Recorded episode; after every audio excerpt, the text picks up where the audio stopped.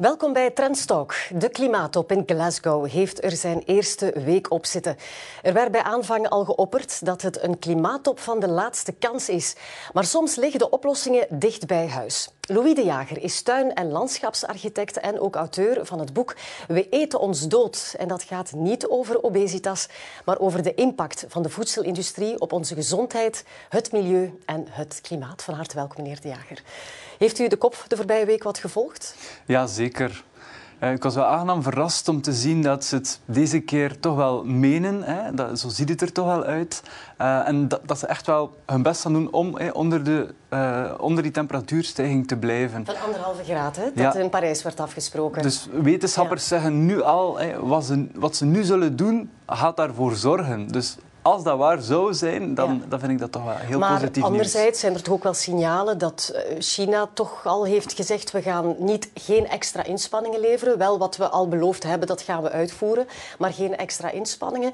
De grootste uitstoter uh, ter wereld. Um, gaan ja. we het daarmee halen? Ja, dat is koffie kijken of, of dat gaat lukken of niet. Ik moet zeggen, ik hou me hard vast hé, wat dat China op dit moment mee bezig is. Hé. Ze kopen gronden op overal ter wereld. En, uh, en ja, ze gebruiken niet altijd de meest duurzame landbouwmethodes, bijvoorbeeld. Dus, um, en dan ja. komen we meteen op het uh, thema hè, waar, waarover jouw boek gaat. Hè, over die landbouwtechnieken, over het gebruik van pesticiden en de impact op onze gezondheid, ja. maar ook op de, de, de leefbaarheid van onze, van onze bodem. Misschien ja. eerst even toelichten, wat is, het, wat is de link tussen landbouw en het klimaat? Landbouw is uh, toch ook zit in de top van de meest uitstoters, van de grootste uitstoters uh, voor het klimaat. En de landbouw draagt er eigenlijk toe ja, door verschillende manieren. Eén, koeien die, die ophoopt en samen onnatuurlijk voedsel heeft, die stoten heel veel methaan uit. Ja. Enerzijds, maar ook de bodem. Dat is en dat methaan we... heeft een grote impact op klimaatverandering. Hè. Daar wordt ja. nu veel over gesproken, ook de afgelopen week. Inderdaad. Biden heeft gezegd, we moeten dat methaanprobleem en die uitstoot drastisch aanpakken, omdat exact. de impact groter is dan CO2. Ja, inderdaad. En dat komt vooral ook onder meer van de koeien. Inderdaad. En dus we hebben enerzijds die, die vee, die, die produceert veel broeikasgassen, maar ook de bodem. Hè. We zitten altijd te praten over al die CO2 in de lucht. Hè. Maar we hebben daar te veel CO2. Maar waar we niet bij stilstaan is, we hebben te weinig CO2 in de bodem. Hè, onder koolstof zitten. Dus we kijken altijd van daar is er te veel, maar we zeggen nooit hier is er te weinig. Want om een gezonde bodem te hebben, heb je net die koolstof nodig.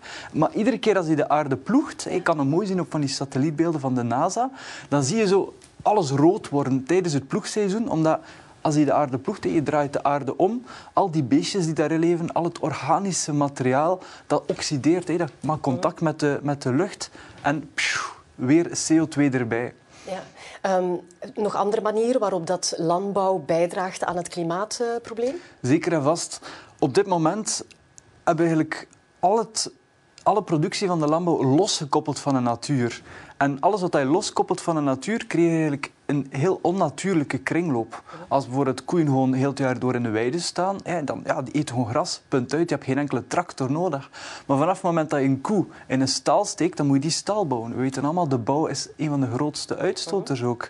Dan heb je transport nodig van bijvoorbeeld Zuid-Amerika, waar ze soja telen Eerst moesten ze daar regenwouden voor kappen. Soja telen ze met, met tractoren. Ze gebruiken daar pesticiden, meststoffen. Dikwijls ook verboden pesticiden nog in die landen.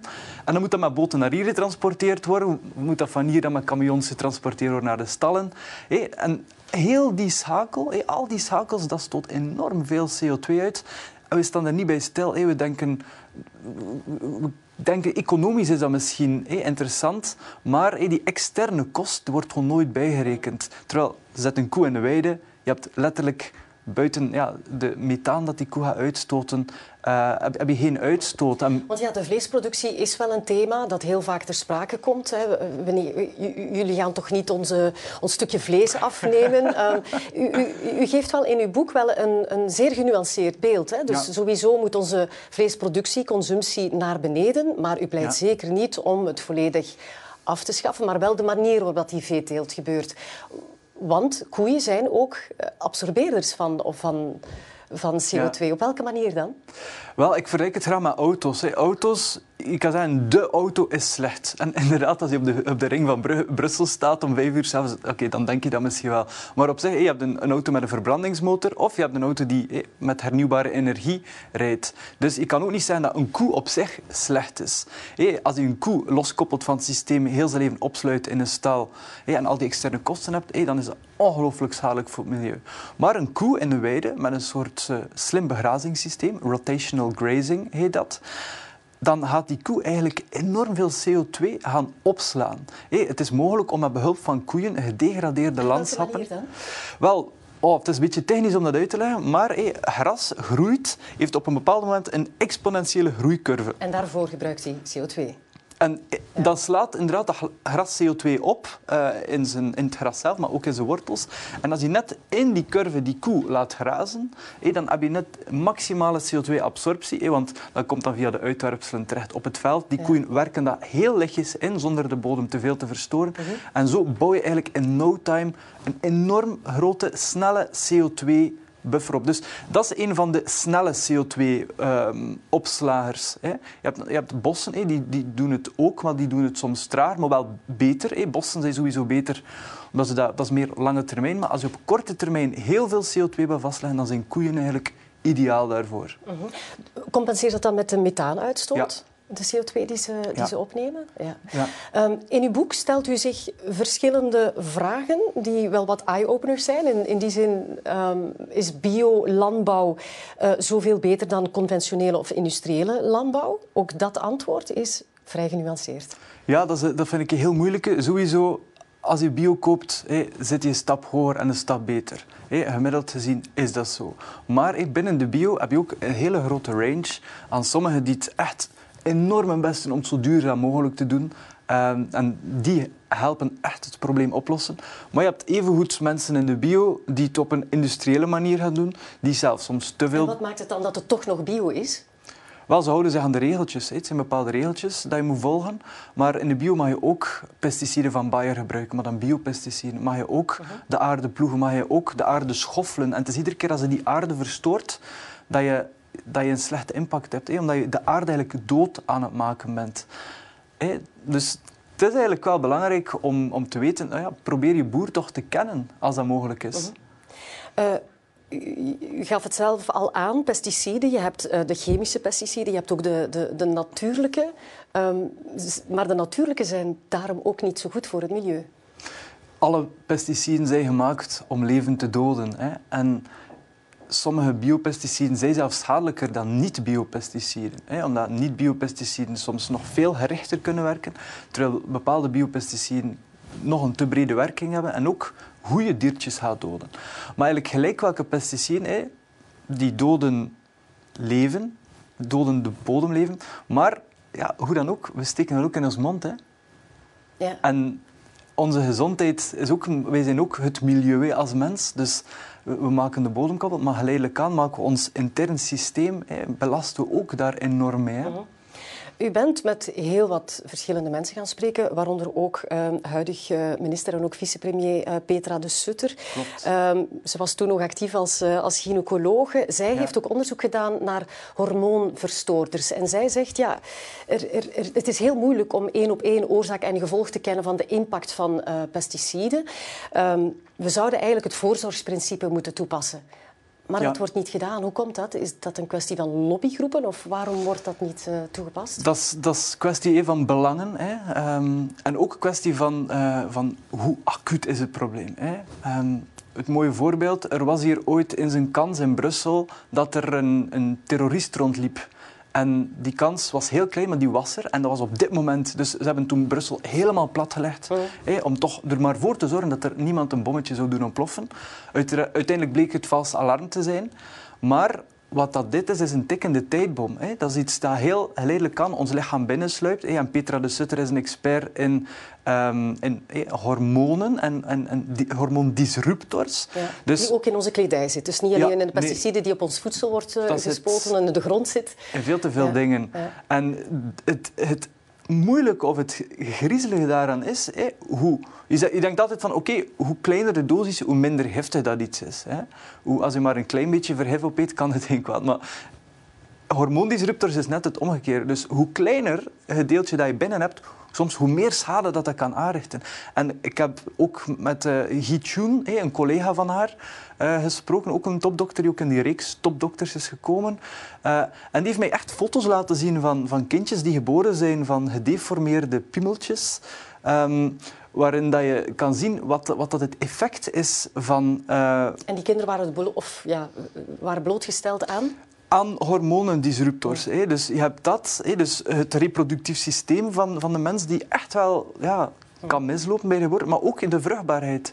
Je ziet bijvoorbeeld in, in landbouwgebieden dat de vruchtbaarheid veel lager ligt dan bijvoorbeeld bij mensen in, in de mhm. stad. En het is altijd moeilijk om een direct verband te zien, maar wij zijn blootgesteld aan duizenden dingen. Onze kleren, tapijten, van alles en nog uitlaatgassen. Dus het is heel tof voor de pesticidenindustrie om te zeggen, maar het is niet van ons, want kijk, al die auto's die uitstoten en die auto's, autofabrikanten zeggen, maar ja, het is niet aan ons, kijk naar al die pesticiden mensen, of kijk naar de pharma, of kijk naar dat. En dus zo is het heel makkelijk om met ons vingertje te wijzen Mag je dat stellen dat elk fabrikant zegt van, ja, wij doen daar onderzoek aan en de, de, de minimale dosis die die mensen binnenkrijgen van die ene appel die ze eten, of vijf appels per dag die ze eten, dat, dat heeft geen gevolgen voor de, de volksgezondheid. Ja. Maar aangezien dat het een optelsom is van vele blootstellingen aan, aan pesticiden, zou het wel slecht kunnen zijn. Ja, inderdaad. En het is net daar dat we dat voorzorgsprincipe moeten toepassen. We zijn vandaag voor corona een extreem voorzorgsprincipe aan het toepassen. Met, met QR-codes, met maskers, met weet ik veel wat allemaal. Maar dat probleem is minstens even erg of nog veel erger op lange termijn. Het staat er nu wel niet voor de deur, maar er is, het is er heel geleidelijk aan. En het ding is, ze, ze gaan altijd onderzoeken gaan doen op één bestandsdeel. Maar een boer gebruikt nooit één bestandsdeel. Een boer gaat echt al die dingen gaan mengen met elkaar. En die cocktails, we weten absoluut niet wat dan die cocktails gaan doen. En een van mijn stokpaardjes, een van de grootste aha-momentjes dat ik heb gehad tijdens het schrijven van dat boek en tijdens ja, het spreken met al die experts, dat was dat ze zeggen altijd, ja, dat is niet schadelijk voor de menselijke cellen, hè, voor ons menselijk lichaam. Maar Francesca, wij zijn geen mensen. Eh, pardon? Jij bent geen mens, ik ben geen mens. Wij bestaan... Leg, leg uit. Wij bestaan als mens uit meer niet-menselijke cellen, of toch minstens evenveel niet-menselijke cellen, dan menselijke cellen. Dus we hebben allemaal schimmels in ons lichaam zitten, die alles reguleren. We hebben allemaal bacteriën in ons lichaam zitten, waar dat we al sinds mensenheugenis samenwerkingsverbanden hebben gehad. We hebben allemaal geleerd in de biologieles, als we iets opeten, dan is dat wij niet, zijn onze darmen niet die dat mhm. opnemen, maar zijn dat allemaal beestjes in de darmflora die dat voorkomen voor ons en die dat opneembaar maken voor ons. En we hebben, ik denk dat, dat er verschillende mensen zijn die wel al eens geconfronteerd zijn geweest met bijvoorbeeld een schimmelproblematiek in hun lichaam die minder goed daar was, een soort onbalans. En het komt erop neer dat wij als mensen dus een ecosysteem zijn die enkel maar goed en gezond kan functioneren als al die beestjes in ons lichaam goed werken. Maar die pesticiden die doden dus bacteriën en schimmels op het veld, hè, of allerlei andere organismen, die, die zijn gemaakt om die te attackeren maar die attackeren ook diezelfde beestjes in ons lichaam. En qua samenstelling, dat, dat zijn ongeveer dezelfde beestjes. Hè? Dat zijn broertjes van elkaar, bij wijze van spreken. Dus als je dat gaat doden op het veld zelf, dan doden wij onszelf geleidelijk aan. Dus chemische, maar ook de natuurlijke um, uh, pesticiden zijn niet gezond, zijn schadelijk voor de gezondheid en ook voor de bodem. Wat is dan de oplossing? Want we moeten natuurlijk naar schaalvergroting gaan. Ja. U heeft het heel vaak uh, ook vermeld in uw boek. Er wordt heel veel vaak gezegd, er is een economische realiteit. Wij moeten die groeiende wereldbevolking kunnen voeden. Ja. Dus, dus, hoe kunnen we dat dan? Want ja, dan gaan boeren toch uh, vaker te kampen hebben met uh, ziektes in hun planten, een mislukte oogst. Ja, nee, dat is een heel goed punt. Hé. We moeten enorm goed opletten dat onze voedselzekerheid hé, blijft. Want dat is het fundament van onze samenleving. Ja, ik, ik kan alles afpakken van jou, maar zonder jouw hap we moeten eten en water je dood, We moeten eten en drinken. Dus dat is het allerbelangrijkste. Dus we moeten opletten. Bijvoorbeeld in Sri Lanka hebben ze van vandaag op morgen een ommezwaai gemaakt naar bio. En zonder transitieplan, die, het was daar niemand op voorbereid en dat is ja, falikante gevolgen. Dus het moet doordacht gebeuren. Maar ik ga je eigenlijk een simpel voorbeeldje geven. Stel je voor dat ik jou een zandbak cadeau doe en jou zeg, kweek daar eens gezonde voeding op. Ga je dat lukken? Ik, ik, ben geen kenner, maar ik vrees van niet. Nee, nee ah, wel, en dat is momenteel hebben we de bodem zodanig uitgeput dat als wij iets ja, in de zandbak zetten, hey, dat groeit niet, want dat heeft geen water. Oké, we gaan dan water daarop gaan uh, water geven aan die planten. Maar kan je van een zandbak inderdaad nog vruchtbare bodem maken? Of is dat, dat kan. Of is dat verloren? Nee, het is niet verloren. Hey, de natuur heeft een enorm regeneratievermogen.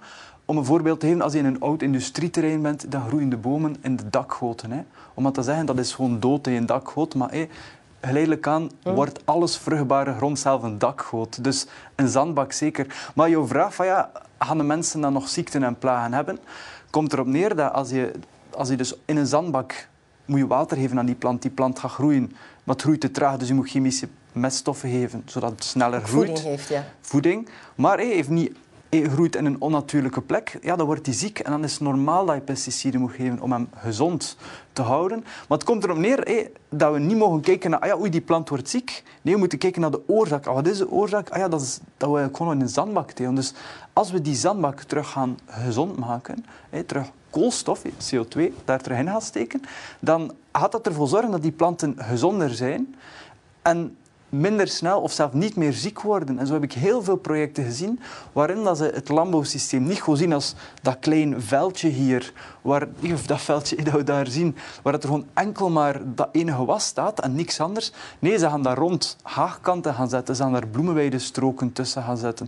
Ze gaan niet één gewas nemen, maar verschillende gewassen door elkaar zetten, zodat je niet al je eieren in één mandje steekt. Want als ondernemer weet je dat, dat je niet mag uh, wedden op één paard. Je moet toch op verschillende paarden wedden. En dat is in de natuur net hetzelfde. Nu, door klimaatverandering zijn heel veel gebieden in de wereld um, ja, tot zandbak verguisd. Hè. Bijvoorbeeld de Sahel-regio, waar effectief niets meer kan uh, groeien.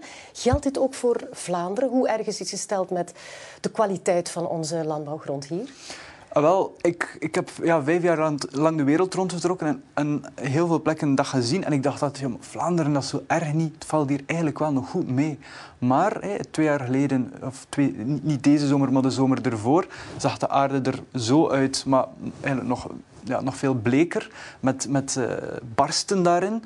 Heel veel boeren hadden oogstmislukkingen net omdat ze in een zandbak bezig waren en dat die bodem geen water mee kan vasthouden. Dus in Vlaanderen is het veel sneller erg worden dan dat wij denken. En we moeten zelf niet ver kijken. In Frankrijk, maar dan zeker in Spanje, kan je gewoon uren rondrijden dat je gewoon enkel maar woestijn ziet. Wat dat vroeger vruchtbare landbouwgrond was. En nu zijn we gewoon hetzelfde toen hier. Nu, er is een, hoe moet ik het zeggen, een vorm van verslaving eigenlijk aan die pesticiden. Want die planten zijn zwakker. Daardoor moet je ze extra voeding geven en hen bespuiten omdat ze geen ziekte zouden kunnen. Hoe kan je dat terug omkeren? Om toch ergens een positieve boodschap mee te geven. Ja. Want ook dat heb je onderzocht. Ja, inderdaad. En dat is net hetgene dat mij enorm veel hoop geeft in de toekomst. Dat alles is mogelijk. Alle oplossingen zijn er in Vlaanderen, in Wallonië. Ik heb enorm veel mooie voorbeelden gezien.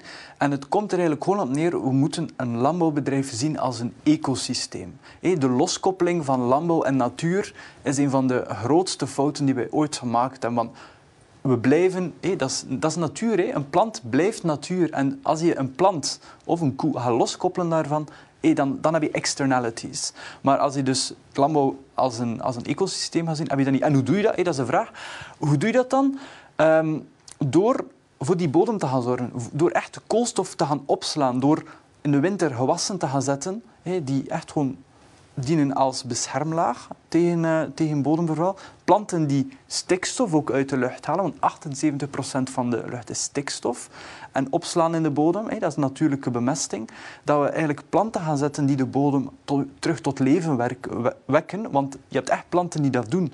Dat we meer bomen gebruiken in de landbouw om winden tegen te, ja, te, houden die erosie veroorzaken, die ook het wegspoelen van grond. Ik weet niet of je dat weet, maar ongeveer 20 à 25 ton aarde per hectare spoelt gewoon af ieder jaar. als, als onder... zware regens, omdat het geen vruchtbare grond is. Omdat ja, die geen, inderdaad. Dus als, als ondernemer is dat je kapitaal.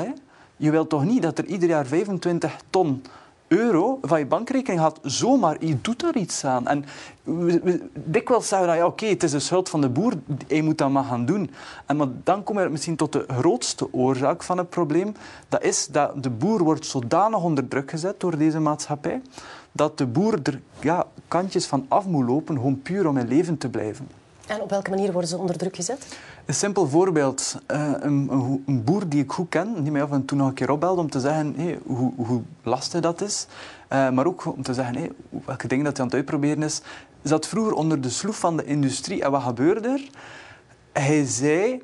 Um, het komt, er, komt erop neer dat de industrie belde. Hè. Een van de voedselfabriek zei van kijk, binnen de drie dagen moet je oogsten. En hij zei, maar ja, als goede boer weet je dat je nu niet mag oogsten, want de aarde is nat. Als je oogst op een nat, een nat terrein met, met zware machinerie, dan maak je eigenlijk de aarde volledig kapot.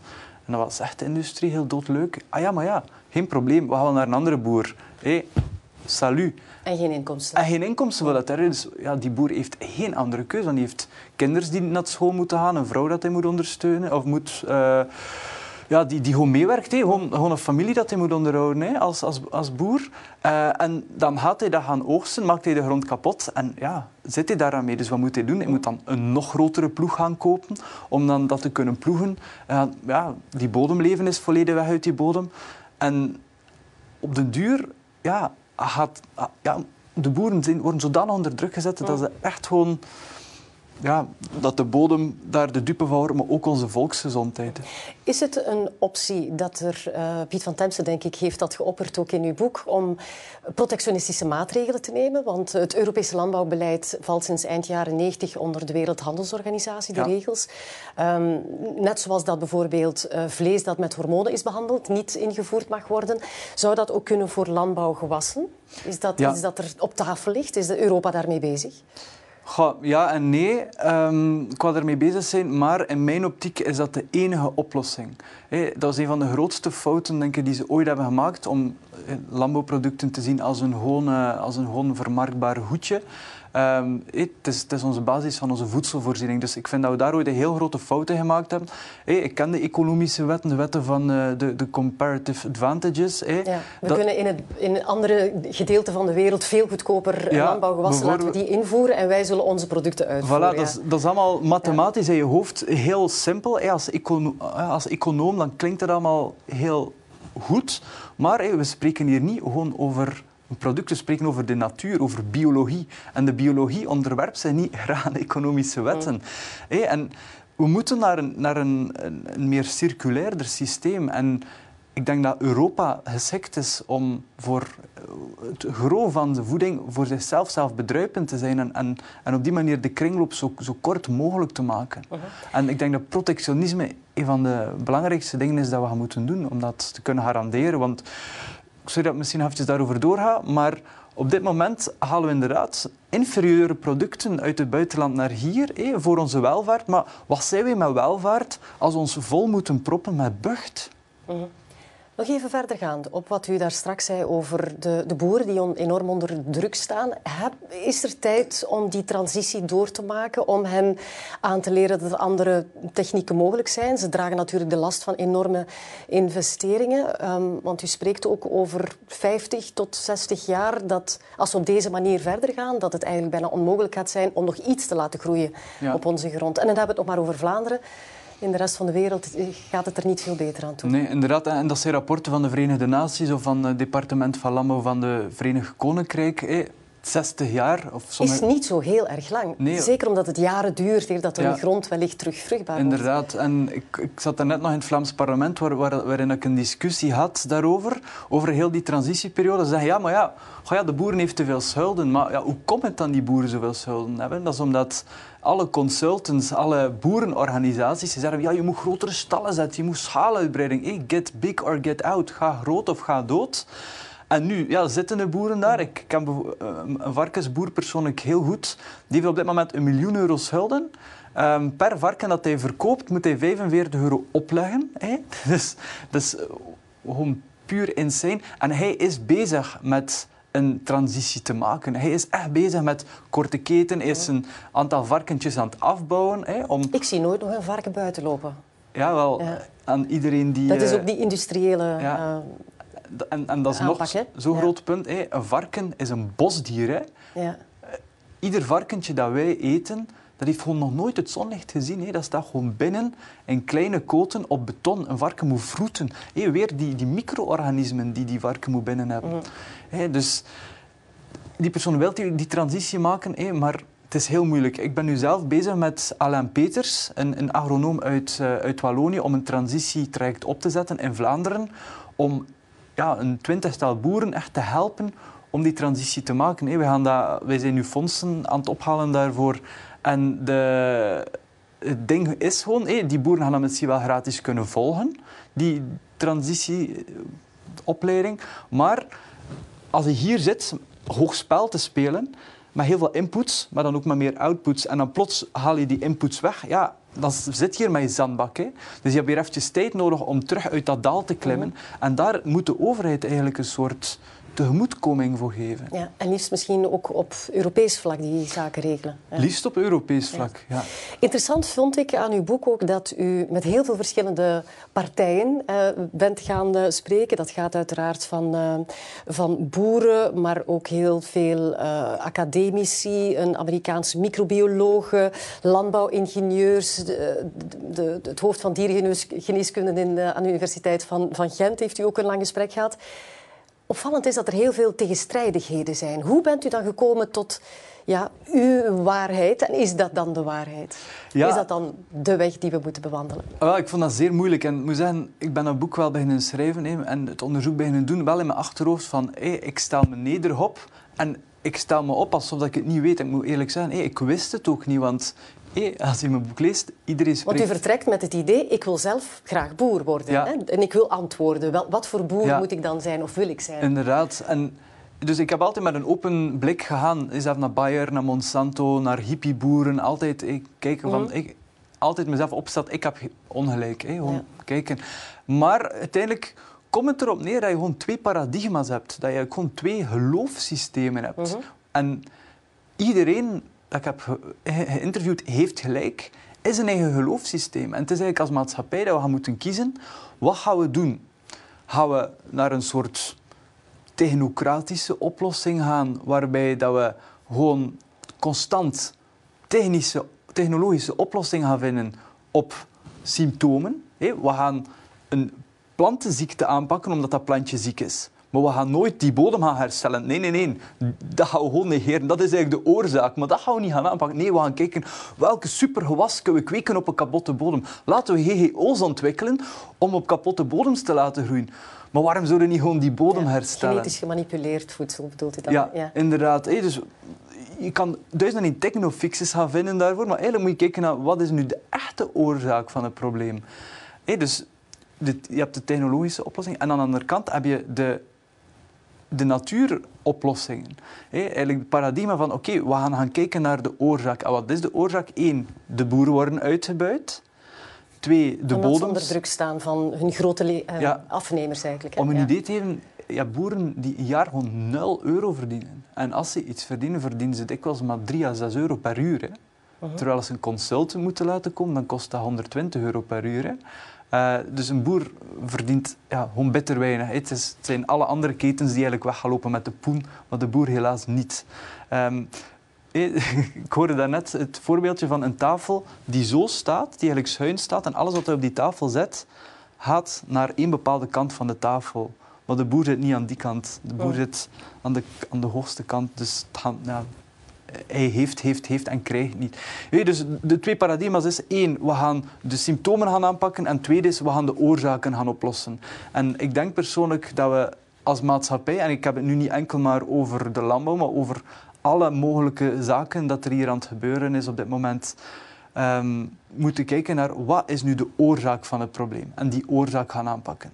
En daar is er op dit moment gewoon bitter weinig uh, draagvlak voor. We steken miljoenen in het ontwikkelen van, van machines, van technologieën, terwijl dat ik boeren ken die veel meer omzet halen, veel meer winst halen, door gewoon in te zetten op die natuurlijke bodem en een circulair systeem, hun inputs gewoon drastisch verminderen. Wat, is, wat is goed ondernemen? Dat is gewoon ja, zo weinig mogelijk uh, investeren en, zo, en zoveel mogelijk winst halen. Hè.